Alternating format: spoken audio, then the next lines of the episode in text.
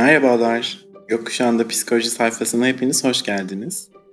Ee, bundan sonra Instagram üzerinden gerçekleştirdiğimiz canlı yayınlarımızı podcast olarak da yayınlayacağız. Bu sayede kaçıranlar ve yeniden dinlemek isteyenler de tekrardan e, sohbetlerimizi dinleme fırsatı elde etmiş olacak. Hepinize keyifli dinlemeler diliyorum.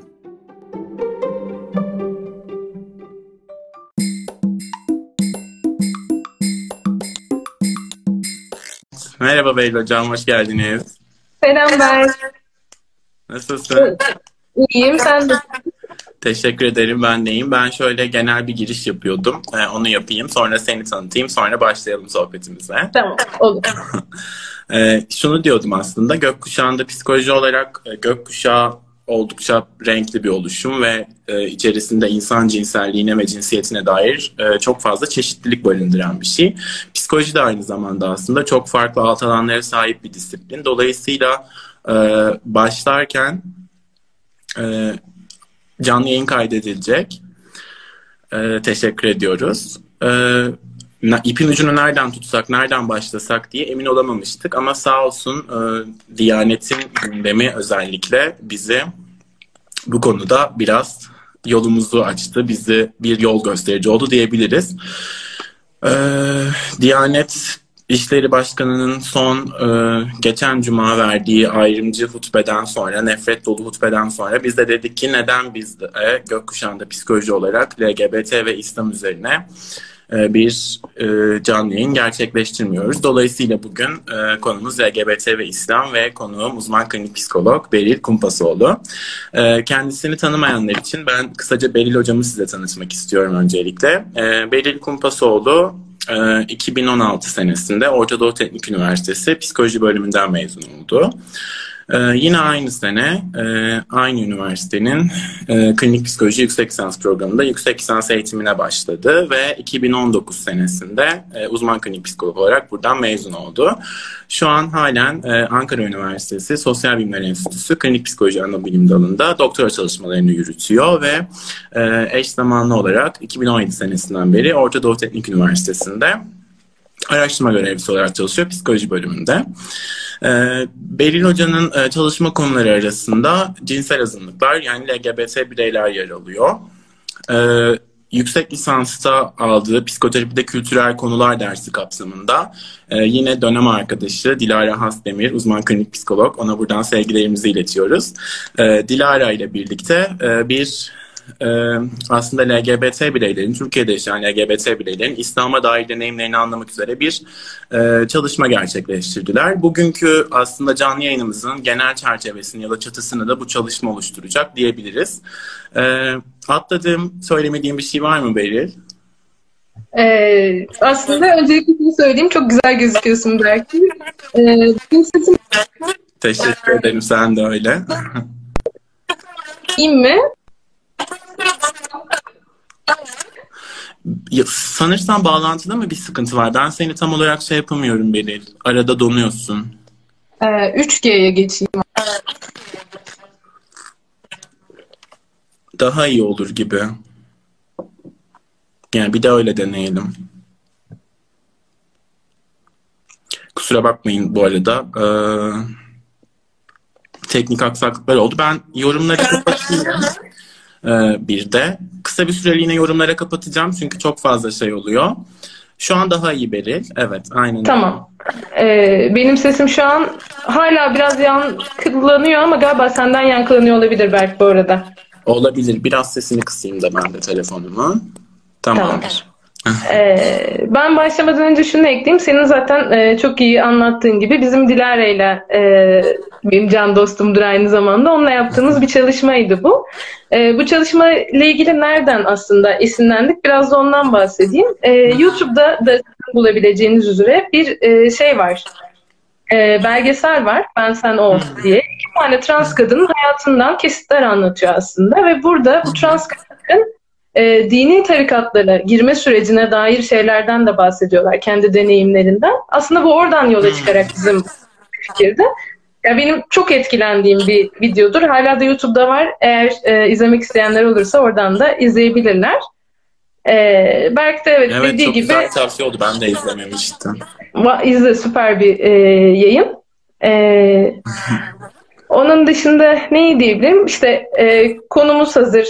Bu e, İslam ve LGBT üzerineyken Berk de bize dedi ki sizin de madem böyle bir çalışmanız vardı gelin konuşalım. Biz de aslında bugün biraz bu çalışma üzerine konuşacağız. Biz diyorum çünkü aslında hep Dilara ile beraber yaptığımız bir şey ama canlı yayında sadece bir kişi olduğu için ben buradayım ama Dilara da evet, burada eğer evet.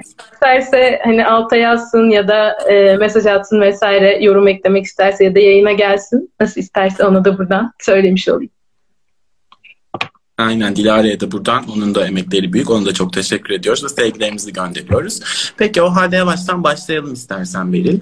Ee, şimdi e, söz konusu yani bugünün teması aslında LGBT ve İslam. Dolayısıyla önce çok gen, e, böyle daha geniş bir soruyla başlamak istiyorum ve aslında çok da bizim uzmanlığımız da olmayan bir soru ancak yine de e, bir fikir sahibi de olduğumuz bir şey. Ee, İslam'da yani İslam e, dediğimiz, İslamiyet dediğimiz din işte tek tanrıda İbrahimi ya da semavi olarak geçen bir din. Dolayısıyla böyle bir dinde eşcinselliğe ve translığa nasıl bir bakış açısı var? Bunu merak ediyorum öncelikle. Tamam. Ee, şimdi öncelikle şunu belirteyim. Bu tabii ki benim uzmanlık alanımın dışında bir konu. Ee, ama hani bu araştırma yaparken denk geldiğim farklı kaynaklar vardı. Biraz onlardan bahsedeyim. Ee, ilk olarak şunu söyleyebilirim. Yani temelde iki farklı görüş var İslam'da. Ee, bunu İslam kaynaklarında neyi ele alacağız? Biraz bununla da ilgili. Yani örneğin e, Kur'an'ı mı baz alacağız? Hadisleri mi baz alacağız? E, din adamlarının söylediklerini mi baz alacağız? Yoksa imamların söylediklerini mi baz alacağız? Ona göre biraz değişiyor aslında bu konu. E, fakat iki temel çatı altında toplayabiliriz. Bunların bir tanesi işte e, yaygın olan görüşte bu esasen e, İslam'da LGBT'liğin günah olduğu yönündeki görüş ve bunun da Kur'an'da e, açık bir şekilde Lut kavmiyle belirtildiğini e, savunuyor bu görüş. Ve diyorlar ki işte Lut kavmi e, zaten LGBT e, eşcinsel olduğu için aslında spesifik olarak e, helak edilmiş bir kavimdir. E, ve dolayısıyla da İslam'da açıkça günah olarak belirtilmiştir deniyor. Fakat burada da e, mezhepler arası farklılıklar var aslında. Yani topyekun bir benzerlik yok burada. Çünkü mesela bazı mezheplerde eşcinselliğin cezası taşlanarak öldürülmek yani recm edilmek. Ama e, bazı mezheplerde halifeye bırakılıyor ve halife isterse e, ceza vermeyebilir bu durumda ve ayak cezası verebilir gibi gibi. Bazı mezheplerde zinayla eş tutuluyor. Yani ortalıkta bir evlilik olmadığı için bu suç deniyor ve dolayısıyla cezası zinayla aynı. E, hatta şöyle bir fark var. E, eğer kişi evliyse ve eşcinsel bir e, ilişkide bulunuyorsa öldürülüyor ama bekarsa dayak atılıyor. Mesela böyle bir daha hafif bir ceza hmm, Zina ile çiftelenmiş gibi oluyor günah sanki. Evet, Öyle evet. için. Ee, böyle farklılıklar var. Ee, burada tabii şunlar da farklı. Mesela e, daha şeriat hukukunun hakim olduğu ülkelerde eşcinselliğin cezası ölüm. Öyle görüyoruz. Fakat e, Türkiye gibi e, layık olan ama Müslüman çoğunluğun olduğu ülkeler var. Yani bunlar neler? Mesela Arnavutluk gibi, Azerbaycan, Bosna Hersek gibi, işte Filistin, Kazakistan, Lübnan, Tunus gibi, Türkiye gibi ülkelerde eşcinselliğin bir cezası yok. E, evet. Ve burada bu görüş biraz e, şöyle de fark edin, farklı oluyor bu tarafın görüşü. Bazılarına göre eşcinsel eylem günah, düşünce değil. Hmm. Hatta diyorlar ki eşcinsellik Allah'tan gelen bir imtihandır. Kişi de e, bunu eyleme dökmemelidir. Hmm. Gibi bir görüş var. Eğer eyleme dökerse günah olur diye. E, ve burada gene şöyle bir ayrım var. Yani diyelim ki tamam günah. Peki biz bunu e, Müslümanlar olarak cezalandırmalı mıyız? Yoksa e, o zaten öteki tarafta ya da Allah tarafından bir cezası varsa görür bırakmalı mıyız gibi bir gönülle mi yaklaştırmalı gibi e, farklı bir görüş var. Bütün bunların çatısı e, eşcinsellik günahtır diyen kısım. Şimdi de diğer tarafa bakalım. E, belki bazıları için şaşırtıcı olacaktır ama bir görüşte şunu savunuyor. İslam'da eşcinsellik günah değildir diye bunu öne süren bir görüş de var. E, buradaki en yetkili kaynak için şunu örnek verebilirim. E, 2008 yılında Endonezya'da bir e, şey yapılıyor. Dinler ve Barış Konferansı yapılıyor. Hmm. Ve bu konferansta e, bütün İslam alimleri yani birçok diyeyim İslam alimi geliyor ve şöyle bir İslami fetva çıkıyor. İslam'da eşcinsellik caizdir diye. Hmm. Bunun araştırabilirsiniz. Türkiye'de Hürriyet'te vesaire bile yayınlanmıştı o dönem içinde haber. Ee, ve oradan çıkan din adamları şunu savunuyorlar. Ee, biz Kur'an'daki Hucurat suresini esas alıyoruz ve şunu savunuyoruz. Her şey gibi e, eşcinsellik de Allah'tan gelir ve kişiler Allah karşısında sadece dindarlıklarına göre yargılanırlar Hı. diye bir görüş var. Hı hı. Ee, Bunun dışında yine bu çatı altında şey görüşü var. Şimdi Lut kavmi tamam e, eşcinsel bir kavim ama Kur'an'da bu kavme dair pek çok başka özellik de belirtiliyor. Yani bu kişilerin yol kestikleri, e, kişilerle zorla birlikte oldukları, tecavüz ettikleri, hatta işte böyle ki Lut peygamberin evine gelen misafirlere, işte meleklere bile tecavüz etmeye çalışan bir kavim olarak bahsediliyor. Dolayısıyla buradaki sapkınlığın aslında eşcinsellik değil, bu rıza dışı cinsel ilişki yani aslında tecavüz olduğunu ve cezalandırmanın da bu olduğunu savunuyorlar. Ee, birazcık daha böyle tasavvufa yakın görüşe kaydığımızda ise e, daha işte İslam'ın sevgi ve hoşgörü dini olduğunu vurgulayanlar. Ve bunlar da diyorlar ki yani aslında kısaca yaradanı sev, yaradılanı sevdim yaradandan ötürü Ne gibi bir olursa anlayış. ol yine gel gibi bir şey yani. Aynen. Evet. Öyle. Ee, bunun dışında buraya ekleyebileceğim şey var. Ee, dünyada şu an cinsel kimliğini gay olarak açıklamış 5 tane imam var. Hmm. Bunlar tabii ki Türkiye'de değil ama e, Güney Elbette Afrika'da var. Tabii ki. E, Amerika'da var, Fransa'da var, Avustralya'da, Kanada'da. Bunlar e, açık olan gay imamlar ve e, aslında hatta bazıları da e, Skype üzerinden başka yerlerdeki bu tarz işte Müslüman LGBT'leri danışmanlık da veriyorlar. Hmm. E, dolayısıyla hani kimin görüşüne bakacağız biraz değişiyor. Evet, evet.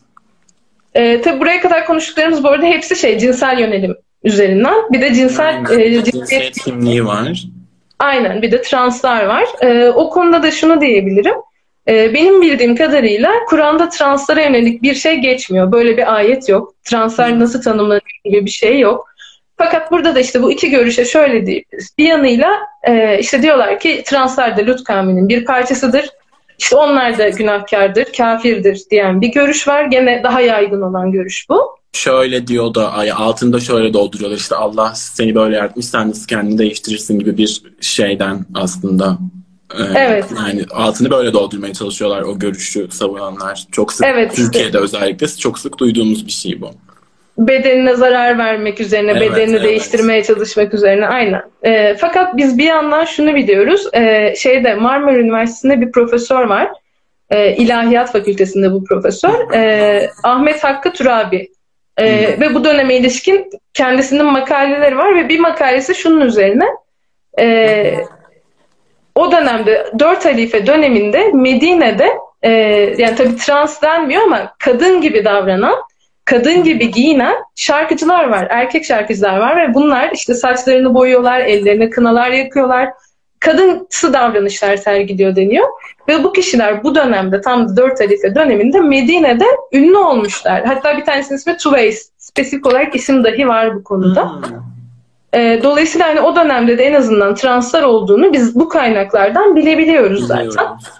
Şeyi Hani bunu- çağrıştırdı bana Hı. Beril. Ee, böyle Zeki Müren, Bülent Ersoy da sanatçı kimlikleri dolayısıyla çok kabul edilmişlerdir ya Türkiye toplumunda. Hani ona benzettim bunu. Ya hatta ben bu konuda bir şey okudum ama onun kaynağını çok net araştıramadım. O yüzden net bir yorum yapmak istemiyorum. Ee, bir e, halifenin yeğenine sanırım işte Tuvays günahkardır, şöyle böyledir gibi bir şeyler söyleniyor ve o da diyor ki hayır o çok iyi bir bireydir gibi tam tersi bu bireyi savunan bir yorumu var. Ama dediğin gibi tabii ki her dönemde şarkıcı olunca birazcık o deneyim değişiyor. Ee, bunun dışında bunu örnek verebileceğim Mısır'da bir üniversite var. Ee, El Ezher diye ama nasıl okunuyor doğru okunuşu mu Hı hı. bilmiyorum. Bu üniversitede e, 70 yılında şöyle bir şey konuşuluyor. Translar e, kadınların mı yoksa erkeklerin mi e, şeyini yükümlülüklerini sağlaması gerekiyor. Hmm. E, atanmış cinsiyetlerinin mi yoksa e, şey mi? Hay neye göre karar vereceğiz diye. Bu dönemde e, şöyle bir fetva çıkıyor 70'lerde. Sağlık personeli ne derse o. Kadın ya da erkek diye ne tanımlar. Onun yükümlülüklerine bağlılar diye. E, dolayısıyla böyle bir yanda var yani kabaca bu iki görüş var diyebilirim bu konuda. Hatta şey de burada ekleyebilirim belki işte İran çoğumuzun bildiği gibi işte şu an e, İslami hukukla yönetilen bir devlet ve İran'da işte eşcinselliğin cezası eşittir ölümken çünkü yasalar karşısında bir suç teşkil ediyorken translık e, devlet tarafından trans bireylerin cinsiyet uyum süreçleri e, karşılanıyor. Bu da aslında işte hem o şey de yani erkek mi kadın mı yapacağız modu da aslında bu şeyi destekliyor gibi geliyor bana daha çok. İkili cinsiyet sisteminin devam ettirilmesi bir şekilde yani erkek bedeninde hmm. kadın, kadın bedeninde erkek hissediyor olabilir. Evet ama işte bunu ikili cinsiyet sistemine şey yapıp işte karşı cinse iki cinsiyet varmış gibi uyumunu sağlayıp bir şekilde o sistemi devam ettirme üzerinden ve e, buraya kadar konuştuklarımızdan aslında şunu anlıyoruz yani, yani İslam dediğimiz şey tek bir şey değil. Mezhepler var, farklı din insanlarının farklı yorumlamaları var. E, kutsal kabul edilen Kur'an farklı şekillerde yorumlanıyor, hadisler var. E, bir diğer yandan LGBT dediğimiz terim de bir şemsiye terim. İçerisinde lezbiyen, gay, biseksüel gibi cinsel yönelimleri barındırırken aynı zamanda trans dediğimiz cinsiyet kimliklerini de barındırıyor. Dolayısıyla tek ve mutlak bir doğrudan bahsetmek çok mümkün değil gibi geliyor. Yani tabii ki görüşlerin hepsini savunanlar kendi görüşlerinin tek ve mutlak doğru olduğunu ya, savunuyorlar evet, ama farklı görüşler var. Evet. Ama e, yaşadığımız ülkeye, Türkiye'ye gelecek olursak, e, Diyanet İşleri Başkanı'nın e, iki hafta önce Cuma hutbesinde, Ramazan'ın ilk Cuması'nın hutbesinde verdiği hutbede ki söylemlerinden de göreceğimiz üzere onun deyimiyle işte lutilik yani lut kavminden gelmek yani eşcinsellik bir şekilde nesli çürüten insan bağışıklık yetmezlik virüsü dediğimiz HIV'i işte toplumda yayan bir şey. Dolayısıyla aslında bu bize Türkiye'de e, eşcinselliğe ve translığa nasıl bakıldığını oldukça çarpıcı bir şekilde gösteriyor. Yani anlattığın örneklerden Türkiye çok daha o katı, ayrımcı ve nefret dolu bakan yerde. Peki böyle bir kültürde yani İslami değerlerin, normların benimsendiği bir şekilde e, günlük yaşam pratiklerine adapte edildiği ve hatta devletin kurumunun e, dini yönetmek üzere oluşturulmuş Diyanet İşleri e, kurumunun bile e, bu şekilde söylemlerde bulunduğu bir ülkede ve kültürde LGBT bir birey olarak büyümek nasıl bir deneyim oluyor? Bunu merak ediyorum. Valla e, açıkçası zor bir deneyim oluyor. Öncelikle bunu söyleyebilirim. E, bizim çalışmamız da birazcık bu deneyimi anlamak üzerineydi. Yani o zaman yani başkanının bu konuşması yoktu ama bu ilk konuşması değil yani. Ya da yani, ilk evet, evet. Değil bunu söyleyen. Bu hala sürekli gündeme gelen, evet. bir şey. Evet, aynen öyle. Ee, özellikle büyümek kısmından şu an ele alıyorum. Yani daha çocukluk deneyimleri gibi ele alıyorum dediğin soruyu.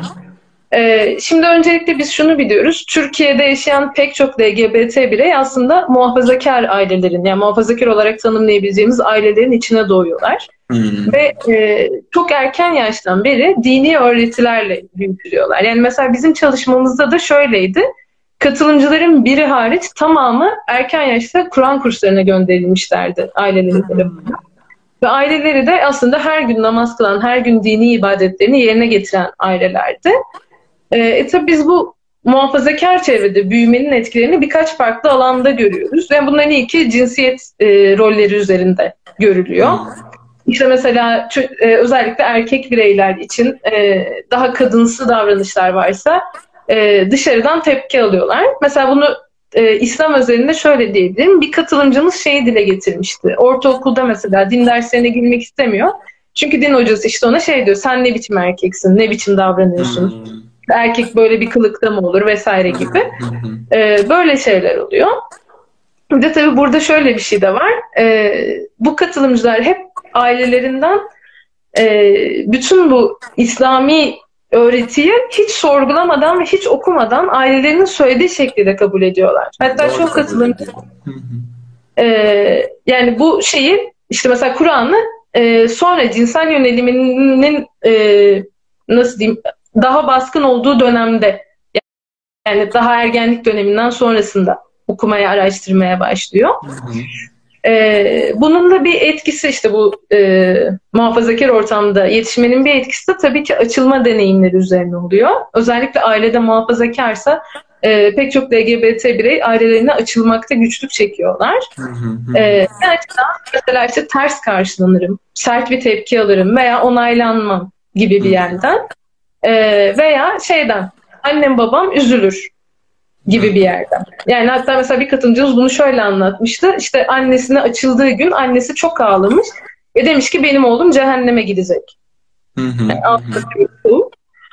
e, dolayısıyla böyle bir şey var. Bir de e, başka bir anekdottan bahsedeyim sana. Bizim bu e, çalışmamızda bir tane trans katılımcı vardı ve bu trans katılımcının e, babası hem bir Alevi şeyhiydi hem de bir imamdı aynı zamanda.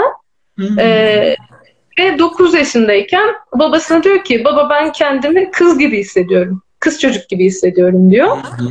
E, ve babası ona diyor ki senin içinde bir şeytan var. Bu şeytanı yen. E, bir erkeğin kendini kadın gibi hissetmesi şeytanidir diyor. Ve o katılımcı bize şunu demiş yani de, düşünsenize 9 yaşında bir çocuk ya içinde şeytan var deniyor. Korkunç bir deneyim yani.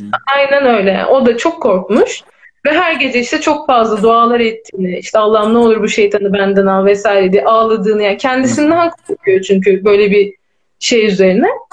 Dolayısıyla böyle e, deneyimler var. Onun dışında e, işte hacılara hocalara götürülmeler var. E, tırnak içinde eşcinsellikten kurtulmak için. Tedavi ee, etme yaklaşımları bir şekilde. Aynen. Ee, bunun dışında bir katılımcımız mesela şeyi dile getirmişti. Abisi gay bir katılımcıydı bu. Abisi şey demiş yani seni hadı, hadım ettirelim. Yoksa sen bu işte zinayı yapacaksan cehenneme gideceksin. Bari bunu önlemek için seni hadım edelim şimdiden gibi bir teklifte bulunmuş falan. Dolayısıyla aslında hani eğer kabullenici değilse aile e, birazcık olumsuz bir etkisi var. Böyle bir ortam bu Ama öte yandan e, olumlu bir ortam varsa biz bunu kendi örneklerimizde çok görmedik ama yani bütün senin de ilk başta bahsettiğin gibi tek tanrılı dinlerde çok benzer şeyler var. Yani bu sadece İslamiyet'e özgü bir şey değil. Evet, işte evet. günah olarak görülmesi vesaire gibi şeyler. Hatta Lut kavmi hikayesi bile işte Sodom ve Gomorra gibi her tarafta gördüğümüz evet, bir hikaye. Evet. Ee, eğer daha olumlayıcı bir aile, daha olumlayıcı bir dini inancı olan ama yine de daha hoşgörülü yaklaşan, daha olumlu yaklaşan, kabul eden bir ortamda yetişiyorsa da tam tersi koruyucu bir etkisi var ruh sağlığına. Hmm. LGBT'ler için. Böyle yani aslında yine e, ilk sorunun cevabını olduğu gibi burada da tek bir şeyden bahsedemiyoruz. Kimi zaman ailenin nasıl yaklaştığı aslında bunu oldukça etkiliyor. Ama işte hem bir taraftan İslami öğretilerle büyümüş olmak, bir taraftan Türkiye üzerinde düşünecek olursak genellikle işte yoğunluklu olarak Müslüman nüfusun fazla olduğu ve toplumsal cinsiyet normlarının da işte daha böyle sıkı sıkıya bağlanıldığı bir ülkeden bahsediyoruz. Dolayısıyla en ufak bir sapma henüz daha çocukken bile kendisinin işte belki cinsel yöneliminin kendisi bile farkında değil. Çünkü öyle bir algısı yok çocuğun. Ancak e, çeşitli şeylere maruz kalabiliyor İslami öğretiler dolayısıyla. Sonra işte büyüyorlar ve ergenliğe geliyorlar ve bir şekilde cinsel yönelim, cinsiyet kimliğini tanımlamaya başlıyor birey. Ee, aslında burada sizin çalışmanızın tam olarak da üstüne kurulu olduğu yer de belki de buydu diyebiliriz. Yani Aynen. Hop işte ben transım, ben eşcinselim. Peki bundan sonra ne olacak? Ben Müslümanım da aynı zamanda.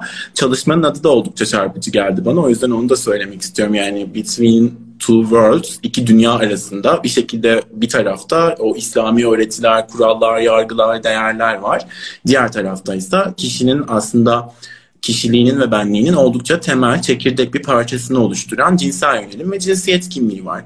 Dolayısıyla bu birbirine iki zıt ya da çatışan, çelişkili durumu Hı-hı. nasıl deneyimliyor LGBT bireyler biraz bunu öğrenmek istiyorum.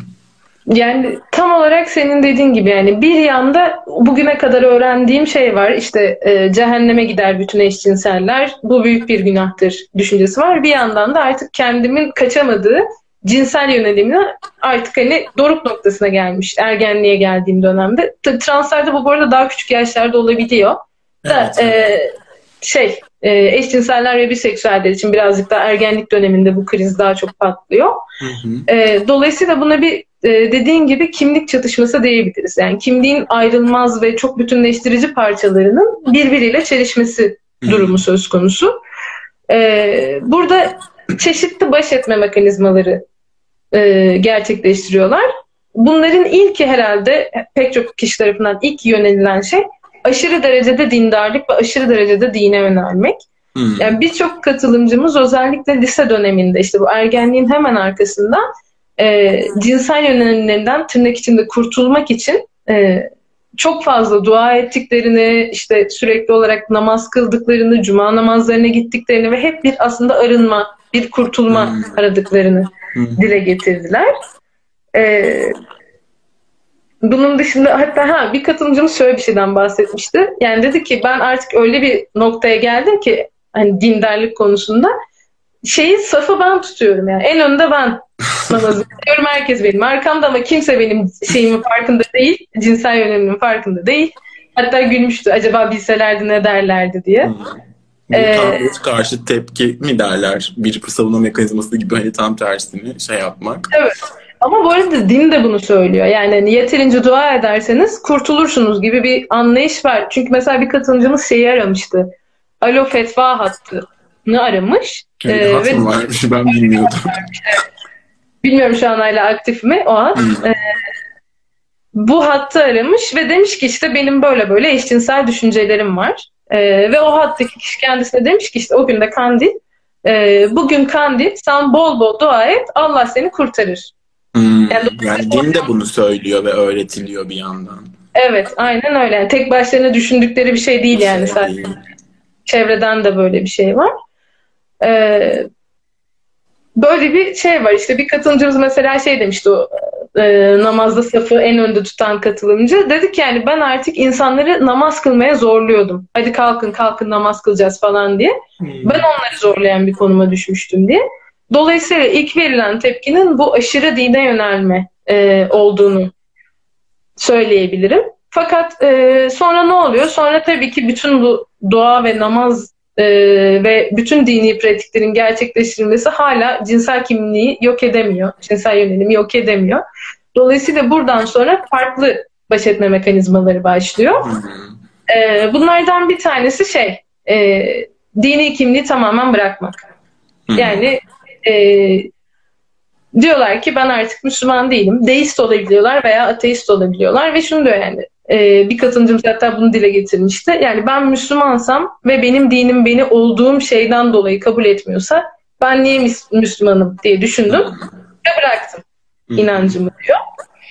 E, bir yanı böyle. E, bir diğer yanı şey e, bu daha ilk başta konuştuğumuz diğer taraftaki e, daha kabullenici İslam öğretilerini benimsemek ve bununla e, cinsel kimliklerini bir araya getirmek. Hmm. Gay imamlar gibi belki de. Aynen öyle. Yani işte e, diyorlar ki ben bu iki kimliği bir arada taşırım e, ve hani Allah beni dindarlığıma göre değerlendirir gibi işte o konuştuğumuz şeyleri aslında gerçekleştiriyorlar. Mesela bir katılımcımız şey demişti işte yine işte Lut kavminde eşcinsellik sadece onları tanımlayan bir sıfat. Cezalandıran şey o değil. Cezalandırılan şey. Hı hı e, cezalandırılan şey aslında tecavüz diyor. O da benzer bir şey söylemişti aslında. E, bunun dışında başka ne var diye düşünüyorum. E, bir tanesi şey bu çatışmayla beraber yaşamayı sürdürmek. E, bu birazcık daha zorlu bir deneyim oluyor. E, çünkü o çatışma hep var olmaya devam ediyor. Ve diyorlar ki mesela e, ben bunun günah olduğunu biliyorum ama kendime de engel olamıyorum. Bu benim günahım ben bunu yapıyorum ve cehenneme gideceğini düşünerek aslında bunu yapmaya devam ediyorlar gibi bir durum var. Ee, veya yani ne şey ondan vazgeçebiliyor ne ondan vazgeçebiliyor ve evet. bu şekilde iki dünya arasında belki de mekik dokumak gibi yani o metafor üzerinden gidecek olursak iki farklı dünya varsa eğer gerçekten ikisinin arasında bir şekilde gidip gelmek gibi. Aynen. Mesela bazı katılımcılar şey yaptığını söylemişlerdi. İslami şartlara uygun ilişkiler yaşadıklarını. Yani mesela 3 senedir bir sevgilisi vardı. Yine bir gay katılımcımız bu. Ee, ama onunla hiç cinsel birlikteliği olmadığını hmm. ve hani İslami şartlara uygun bir ilişki yaşadıklarını mesela dile getirmişti. Böyle şeyler oluyor. İşte mesela anlaşmalar oluyor. İşte ben 35 yaşıma kadar LGBT olarak yaşayacağım. 35 yaşından sonra tövbe edeceğim ve evleneceğim gibi e, anlayışlar olabiliyor. Böyle bu tarz baş etme mekanizmaları gördük biz bu çalışma içinde. Yani aslında yine bütün sorularda olduğu gibi aldığım cevap yine tek bir şeyin olmadığı. Yani hani kişiden kişiye bu bireysel farklılıklar gösteren bir şey. Ama işte o iki dünya metaforu üzerinden gidecek olursak özetlemek gerekirse ya birine sırtını dönmek ve diğerine tamamen sarılmak, işte İslamiyet'e sırtını dönüp LGBT kimliğine sarılmak ya da tamamen ona sırtını dönüp işte o İslam'a yönelmek, sürekli dua etmek, namaz kılmak. Ya ikisinin arasında böyle bir denge kurmak. Evet ben böyleyim ama İslamiyet'te zaten kabul edebiliyor. Ya da işte e, bir şekilde oradan oraya sağlamak evet. ki en yorucusu ve zoru da bu olsa gerek herhalde senin de evet. söylediğin gibi. Ee, peki şunu merak ediyorum bir de aslında. Ee, şimdi İslamiyet'in dedik ki farklı bakış açıları var ama özellikle Türkiye'de benimseneni ve çoğunluğun da benimsediği daha eşcinselliğin şansının günah, yasak, haram bir şey oldu.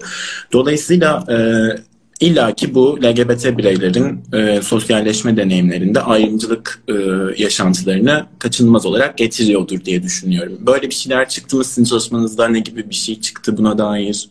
Tabii ki kesinlikle çıktı. Ee, yani özellikle burada mesela bir şey ayrımı gördük biz. Büyük şehirlerde, daha seküler şehirlerde yaşayan bireylerin deneyimleriyle muhafazakar, e, daha küçük şehirlerde yaşayan bireylerin deneyimleri birbirinden çok farklı kesinlikle. Hatta işte bazı katılımcılar e, katılımcılarımız mesela üniversite öğrencisiydi ve dediler ki yani ben kendi memleketimde yani o küçük şehir olan memleketimde bunu asla dile getiremem. Çünkü e, fiziksel şiddet görürüm asla kendimi açıklayamam. Hmm. Ama e, mesela işte Ankara gibi büyük şehirlerde açık olarak yaşıyorum cinsel yönelimimi gibi böyle e, tepkiler gördük açıkçası. Ee, onun dışında şeyin çok etkisi var. Bu başta konuştuğumuz mesela diğer ülkelerde, şeriat ülkelerinde LGBT'lere yapılanları görmenin ve mesela onur yürüyüşlerine olan saldırıları görmenin, bunun arkasından olan tehditleri görmenin çok ciddi bir kaygı ve korku yarattığını ve bir huzursuzluk yarattığını aslında görüyoruz. Yani hem fiziksel şiddetten korkuyorlar hem psikolojik şiddetten korkuyorlar. Çünkü e, hiçbir şey olmasa şeyi de duyabilir mesela işte sen kafirsin, sen lut kavmisin, işte Günah şeyleri, aynen. Kendileri de, yani duyduklarını da zaten dile getirdiler. E, dolayısıyla böyle bir yanı da var. E, bir de tabii ki burada şey de var. E, mesela eğer ben aç, gene açılma deneyimlerine döneceğim. Ben bir e, Müslümana açılırsam onun bana bakış açısı değişir. Yani beni o sapkın olarak görür. Hani bana zarar vermeyecek bile olsa artık beni olumlu görmez. Daha farklı bakar gibi açılma deneyimleri var. Onun dışında e, dini yetkililerle konuşamama söz konusu. E, işte bu e, sana dediğim şey alo fetva hattında yaşanan şey gibi. Ee, onun dışında mesela şeyden korkuyorlar. Dini yetkililer aynı zamanda devlete bağlı oldukları için ifşalanacak mıyım ben korkusu var. Ve ben ifşalanıp bir daha Bundan dolayı da bir e, açılamama söz konusu. E, onun dışında mesela özellikle trans bireyler için olan mesela camiye gidememe, e, ibadetlerini yerine getirememe istediği gibi bir durum var. Burada özellikle e, trans kadınların bu konuda çok sıkıntı yaşadığını duyuyoruz. Çünkü şeyi de söylemişti e, katılımcımız. Yani ben oraya gitsem ve kadınların arasında saf tutsam bu benim kim olduğumu anlarlarsa şey derler. Aa işte bir erkek sapık bir erkek işte kadın gibi giymiş kadınlarını taciz etmeye gelmiş derler. Ee, benim bir trans olduğumu anlamazlar. Beni orada döverler, öldürürler diyor. Veya işte şey Lut Kami'nin camide yeri yok gibi bir şiddete maruz kalabiliriz korkuyorlar. Dolayısıyla böyle bir zorluk da var aslında. Yani e, bir şekilde zaten insan hakları ihlali çok fazla yaşanıyor maalesef LGBT bireylere dair. E, Müslüman LGBT bireyleri düşünecek olursak bir şekilde işte e, inandığı dinin o pratiklerini yerine getirme, ibadetlerini yerine getirme de insan haklarından biri. Ancak bundan bile mahrum bırakılıyorlar. Yani hani o dini şeylerini yerine getirmekten bile. Ee, peki, hatta bu konuda şunu da diyebilirim sana. E, bazı kişiler gömülemiyorlar bile. Yani mesela bu e, Güney Afrika'da vesaire olan imamlar e, evet bu konuda yardım etmeleri mesela çok rahatlatıyor LGBT bireyleri. Yani kimse gömmese beni bu e, LGBT olan imam gömüyor gibi. Ve bunun için de geliyor işte herkes reddetti lütfen siz gömün gibi. Yani bayağı ciddi bir e, insan hakları ihlali söz konusu aslında dini yani açıdan. Öldükten sonra bile rahat bırakılmıyor bir şekilde bedeni yani. Ne kadar korkunç bir şey. İşte hep o yine Türkiye'de çok duyulan işte e, er kişi niyetine mi işte kadın kişi niyetine mi modu işte bu kafa karıştırıyor falan diye translar üzerinden oldukça söylenen bir şeydi. E, tabii ayrımcılık deneyimi Müslümanlar arasında LGBT bireylere karşı çok aslında beklenen bir şey. Peki şeyi de merak ediyorum aslında. Sizin çalışmanızın katılımcıları işte mesela trans kadın örneği bakacak olursak kendisini Müslüman olarak tanımlayan LGBT bireyler LGBT topluluğu içerisinde ne gibi şeyler deneyimliyorlar? Yani orada da böyle bir ayrımcılık söz konusu mu yoksa kabul ediliyorlar mı? Nasıl şeyler var? Ee, evet dediğin gibi aslında bir de madalyonun o yüzü var. Özellikle e, Müslüman LGBT bireyleri bu anlamda biraz çift azınlık olarak düşünebiliriz. Hmm. E, çünkü biraz orada da kabul edilmemekten bahsediyorlar. E, tabii ki şunu hep dile getiriyorlar. Yani LGBT bireyler içinde bir ayrımcılık oluyor ama bu ayrımcılık şey gibi değil. Müslümanlardaki gibi fiziksel şiddet içeren bedensel bütünlüğe şey yapan tehdit edici bir şey değil ama daha sosyal ilişkilerden dışlanmak üzerine veya e, şey tepkileri almak üzerine e, işte aa sen salak mısın? Niye buna inanıyorsun? Gibi tepkiler almak üzerine. E, bizim çalışmamızda şu anda Müslüman olmayan LGBT bireyler kendileri şey demişti e, evet yani birisi böyle şey yapsa ben ona derim yani sen, sana işte seni cezalandıran bir dine neden inanasın ki hmm. derim. Yani, Aa gerçekten inanıyor musun diye bir sorgularım diyenler de vardı. Ee, veya işte direkt kabul ederim benim için fark etmez diyen e, bireyler de vardı. E, fakat bu her iki kimliği bir arada tutan e, LGBT bireylerin bazıları da şunu dile getirdiler. Kimliklerini gene sakladıklarını aslında. Yani diyor ki ben Müslümanlar arasına girdiğimde LGBT kimliğimi saklıyorum. LGBT'ler arasına girdiğimde Müslüman kimliğimi saklıyorum. Dolayısıyla hani hep bir yalnızlık ve hep bir e, tek başınalık, gizlenme durumu söz konusu diye. E, böyle bir şey de en azından bazı katılımcılarımız yaşamış. Yani şey gibi biraz daha şimdi sen de klinik psikologsun, ben de klinik psikolog adayıyım. İnşallah bir ay sonra olacağım resmen official klinik psikolog. Ee, bana şeyi çağrıştırdı bu. Ee, bir şekilde biz biliyoruz ki dini başa çıkma diye bir e, başa çıkma stratejisi var ya da işte daha fatalistik başa çıkma dediğimiz kaderci başa çıkma işte özellikle travmatik ya da olumsuz yaşam deneyimlerinde işte bireyler dini şeyleri e, din aracılığıyla aslında işte Allah da bunu verdi işte bir şekilde geçecek gibi bir şeyle başa çıkabiliyorlar. E, Müslümanlar tarafından dışlanan LGBT bireyler belki de e, o dini başa çıkma mekanizmalarına yeteri kadar erişemiyorlar. Dolayısıyla bir koruyucu faktör aslında ellerinden alınmış oluyor. E, benzer bir şekilde biz biliyoruz ki LGBT bireyler arasında da LGBT topluluğuyla, komüniteyle ne kadar bağlantın varsa, ne kadar iç içe olursan bu da koruyucu bir faktör oluyor. Ama bu sefer LGBT topluluğunun içine de Müslüman kimliğiyle giremeyeceği için bir şekilde ya da daha zor bir e, şey şekilde gireceği için oradan da bir koruyucu faktör alınmış oluyor. Senin de dediğin gibi daha böyle bireyin yalnızlaştığı o sosyal destek mekanizmalarına erişemediği e, bir hale geliyor. Belki de e, bilmiyorum bununla ilgili literatürde bulgu var mı ama hani bir şekilde bu iki dünya arasında gidip gelen ya da her iki dünyada da kimliğini gizleyenler arasında ruh sağlığı problemleri de daha yaygın olarak görülüyordur diye bir soru işareti oluştu kafamda. Tabii ki yani dediğin gibi e, iki taraftan da koruyucu bir faktörü var yani özellikle mesela dinin e, dediğim gibi Müslümanlıkla ilgili, İslam'la ilgili çalışmalarda çok görmedim ama e, Hristiyanlıkla ilgili böyle çok çalışmalar var. Çünkü Hristiyanlıkta da aynı şekilde hem günah diyenler hem de işte gay kiliseler var. E, gaylere, LGBT'lere açık vesaire. O şekilde rahipler var kendi kimliklerini açıklayan. Hı hı. Onların arasında öyle cemaatlere katılan LGBT'ler için bu e, benimsenmenin ve dinin çok ciddi bir koruyucu yanı var aslında. Dolayısıyla dediğin gibi iki taraftan da kimliğin bir tarafı sürekli olarak dışlanıyor ve kabul evet. görmüyor. Evet. Ciddi bir stres faktörü aslında ruh sağlığı için. Evet maalesef. Peki yavaş yavaş sonuna geliyoruz Beril. Ee, ben aslında soracağım soruların hepsini, merak ettiğim şeylerin hepsini sordum ve cevaplarımı az çok aldım gibi. Ee, bugün de bizi burada yaklaşık ortalama herhalde bir 70 kişi dinlemiş. Yukarıya baktım şu an 70 yazıyor. Ee, bugün bu yayını dinleyen kişilere sen e, LGBT ve İslam konusunda buradan böyle bir take home message eve götürecekleri bir mesaj alacak olsalar o mesaj ne olurdu sence? Ee, Valla öncelikle umarım herkes için keyifli bir yayın olmuştur. Ee, bir hata, bir kusurumuz olmamıştır diye umut ediyorum. Ee, ben de aynı şekilde. İki temel mesajım şu olur. Ee, öncelikle LGBT bireyler için bir e, take home mesajı olsun. Ee, bu şu olabilir. Eğer böyle deneyimler yaşadıysanız ergenlikte veya şu an hala yaşıyorsanız e, bilin ki yalnız değilsiniz. E, böyle bir ülkede yaşayan pek çok LGBT birey sizinle benzer deneyimler yaşıyorlar. Dolayısıyla yalnız değilsiniz, hatalı değilsiniz, yanlış değilsiniz. Çünkü biliyorsun hani mesela özellikle travmadan sonra bile farklı düşünenler şey olur ya bende mi bir yanlışlık var Evet direkt gibi. kendine yönelir.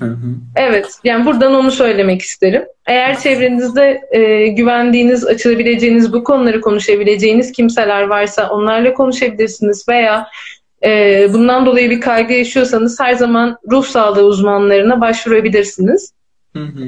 Ee, böyle destekler alabilirsiniz. Bunu söyleyebilirim. Ee, kendi arkadaşlarımdan ve ortak arkadaşlarımızdan biliyorum ki pek çok e, o şeyde e, yani bu 70 kişinin bir kısmını da aslında ruh sağlığı çalışanları oluşturuyor. Evet, evet. Kesinlikle. Onlara da e, bir take home mesaj vereyim. Ona da şunu diyebilirim. Onlara da şunu diyebilirim. Eee lütfen LGBT bireylerle çalışırken e, dinin de onların hayatında ciddi etkileri olabileceğini, özellikle ergenlik döneminde bu suçluluk duygularının, bu çatışmanın çok ciddi etkileri olabileceğini lütfen pratiklerinizde göz önünde bulundurun. E, çünkü bazen işte şey yanılgısı olabiliyor. İşte e, LGBT'ler zaten dindar değildir gibi bir algı olabiliyor mesela. Şey ne denir? Varsayımla direkt yola çıkılıyor. Evet böyle bir önyargı var ama bunun e, pek bir gerçekliği yok bugün konuştuklarımızdan da anlaşıldığı üzere. Dolayısıyla lütfen bu alanı da konuşulabilir bir alan yapın. E, ve özellikle bu çatışma ve çatışmanın etkilerini hep pratiklerinizde göz önünde bulundurmayı unutmayın diyebilirim. Evet. Ee, aslında Gökkuşağı'nda psikoloji sayfanın adı. Dolayısıyla Gökkuşağı kısmına LGBT bireylere bir mesaj vermiş oldun. Psikoloji kısmına yani psikologlara ya da klinik psikologlara bir mesaj vermiş oldun. Oldukça sayfanın amacına da gayet uygun oldu. Teşekkür ediyorum. Ee, bir 10 dakika kaldı zannediyorum ki canlı yayının süresinin bitmesine. Dolayısıyla e, ben yorumları açayım. Soru varsa soru alalım. Yoksa da e, burada bitirelim. Eğer senin de son olarak eklemek isteyeceğin e, bir şey yoksa tabii. Tamam. Ee, ben öncelikle sana çok teşekkür etmek istiyorum. Tekrar buradan da edeyim. Ben ee, sana çünkü... teşekkür etmek istiyorum. Kabul ettin davetimi. ya bu bizim pratik, e, teorik bir çalışmamızdı. Burada senin sayende ilk kez e, pratiğe de dökülmesine yardımcı oldun aslında. O yüzden e, Dilar adına da kendim adına da çok teşekkür ederim. E, onun dışında eklemek isteyeceğim e, şu an konuştuklarımıza hiç alakası yok ama e, şunu eklemek istiyorum. Biliyorsunuz bu e, fetvadan sonra, Cuma hutbesinden sonra daha doğrusu e, bir doktor da çıkıp şunu dedi. Bir hekim olarak diyorum ki eşcinsellik hastalıktır. Öncelikle bu doktor bir psikiyatrist değil ve e, kalp damar cerrahı. E, ve şunu buradan tekrar e, dile getirmek istiyorum. Yaklaşık 47 yıldır e, bizim ruh sağlığında temel kullandığımız tanı kitabı olan DSM'de e, veya Dünya Sağlık Örgütü'nün geliştirdiği ICD'de 30 senedir de orada eşcinsellik bir hastalık olarak yer almıyor. Dolayısıyla e, bu tarz söylemler aslında homofobinin bilim altında e, şey yapılarak, gizlenerek bilinmiş gibi sunulması ama bilim bunu desteklemiyor. Dolayısıyla lütfen e, homofobinizi bilime alet etmeyin demek istiyorum son olarak. Kesinlikle yani o şeyi ben de gördüm ama güzel bir şekilde e, o kişi işinden atılmış, ihraç edilmiş. Şu an hakkında şeyler başlatılıyormuş falan. Bunlar oldukça e, güzel şeyler. Beril bir soru var sana soracağım soru. E, demişler ki çalışmanızın yayınlanmış makalesi varsa ismini öğrenebilir miyim? Başını kaçırmış olabilirim. Ağzınıza sağlık. Yayınlandı mı Evet. makale? Hayır, hala hakemde. Hala hakemde maalesef. e, dün en son bununla ilgili bir şey geldi. Gene minor revizyon almışız. Ya. Keşke bugün yayınlandı diyebilseydim. Ama e, şey, e, isterseniz yayınlanmadan öncesinde de bana mail atabilirsiniz. Mail üzerinden size iletebilirim. E, yani sen bu şeyleri yayınladığından beri bu sayfanın takipçilerinden beni ekleyenler oluyor. Ama e, bu benim kişisel hesabım. O yüzden e, pek kabul edemiyorum. Yani terapi hesabım değil ya da psikolog hesabım yok. E, o yüzden ama berilk.metu.edu.tr ODTÜ'nün sitesinde de Beril Kumpasoğlu yazarsanız çıkar. Oradan mail atarsanız e, makaleyi de iletebilirim veya başka burada ele alamadığımız bir şey varsa Evet. onları. Yayınlandıktan sonra ben de bu sayfa üzerinden de büyük bir sevinçle yayınlandığı diye zaten ilan ederim. Oradan da takip edebilirsiniz. Beril'e de mail atabilirsiniz şey, söylediği gibi. Bir de bir soru daha vardı. Açıp açıp okuyabileceğimiz bir başucu kitabı ya da bir kaynak önerebilir misiniz sorusu. Var. Ee, hemen size şuradan Hemen. kendi kütüphanemden göstereceğim. Yani bunu soran acaba bir ruh sağlığı çalışanı mı yoksa bir LGBT birey mi sadece onu bilmiyorum ama TODAP'ın e, psikologlar için LGBT'lerle çalışma kılavuzu diye bir kitabı var. Ee, herkese bunu önerebilirim. Ee, özellikle ruh sağlığı çalışanlarına çok öneririm. Geri kalan e, bireyler için de burada aslında o süreçlere dair bir şeyler yazıyor. Evet hem o temel kavramları anlamayı sağlıyor, kolaylaştırıyor. Hem işte böyle biraz daha ne yapmalıyız, yapmamalıyız ona dair e, bir şey sağlıyor. Tekrar beraber yayın yapacak mısınız demişler. Yaparız neden olmasın. Çalışma konularımız benzer sonuçta ve ben bugün oldukça keyif aldım Beril'le sohbet etmekten. Ben de Umuyorum çok keyif siz de keyif almışsınızdır.